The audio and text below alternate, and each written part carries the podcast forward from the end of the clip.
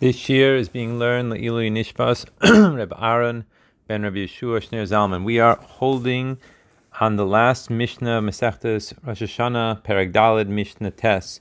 Here we're going to be talking about uh, in the beginning of the Mishnah the different types of blasts of the shofar. Uh, Seder Tekiyas Shalosh Shalosh Shalosh. So the the order of the actual blowing of the shofar is three sets of three, which means three sets of a tekiah, a trua, and a tekiah afterwards. Um, one set is supposed to be blown after the Malchus, one after Zichronius, and one after the Shofar, as we discussed a couple of uh, Mishnahs ago. Uh, that is in the Musaf uh, Shmona Esrei davening. Shiur Tekiyas Kishlosh Truos. So the question is, what about the length of the actual tekiyas themselves? So we say that the length of the tekiyas, now there are six tekiyas that we're talking about here because in each group of tekiah, true tekiah, you have two tekiyas, and there are three sets. So there's six tekiyos. So those six tekiyos should be the same uh, length of time as the three truas that are blown in the middle. So we see from this that the size of a tekiah should be one half of the size of a trua. Shiur trua kishlosh vamos. Then the size of a trua is like the size of three yivavos. Yivavos uh, literally means to like cry, cry in a uh, almost like a whimpering type of manner. Taka mashach kishtayim. So let's say that uh, if a person blew uh, in the first set of tekiyos, so we have a tekiya, then a trua, then a tekiya. So let's say in tekiya number two, which is the last of the first set, and his idea was that if he blows a double size one, then it'll cover the first kia of the second set.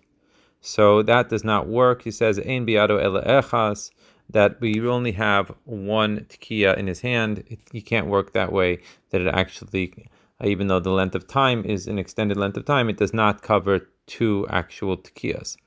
Then the Mishnah continues to say, Misha Beirach, if a person who is the Shliach Tzibor and he is davening, uh, Musaf on Rosh Hashanah, but he does not have a shofar.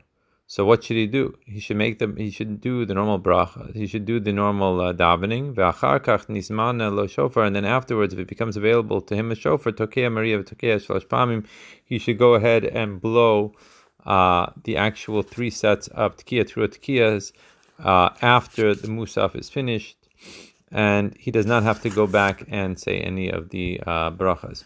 So the Mishnah now goes on to talk about the regular year, that just like the Shliach Tzibor is obligated to say his own davening, his own silent davening of Shemona Esrei, kach chol yachid v'yachid chayiv, so is it that every person in the congregation is also mechuyev to say his own personal Shemona Esrei, um, and he cannot rely just upon the Shliach Tzibor. However, Rabban Gamliel, Aimer Rabban Gamliel disagrees with this opinion, and he says Shliach Tzibur Motzi Arabim Yedei that the Shliach Tzibur is in fact able to uh, cause the rest of the group of people there to fulfill its obligation, and as the Rab says, that halacha Rabban Gamliel, halacha is like Rabban Gamliel, Kishem Shemotzi Es um, She'ena right? Just like the shliach tzibor is able to uh, motzi someone who is not proficient in the davening, kach motzi asabaki, he is also likewise able to motzi someone who is in fact proficient in his davening, and that is the end of Masechtas Rosh Hashanah Mazel Tov Mazel Tov.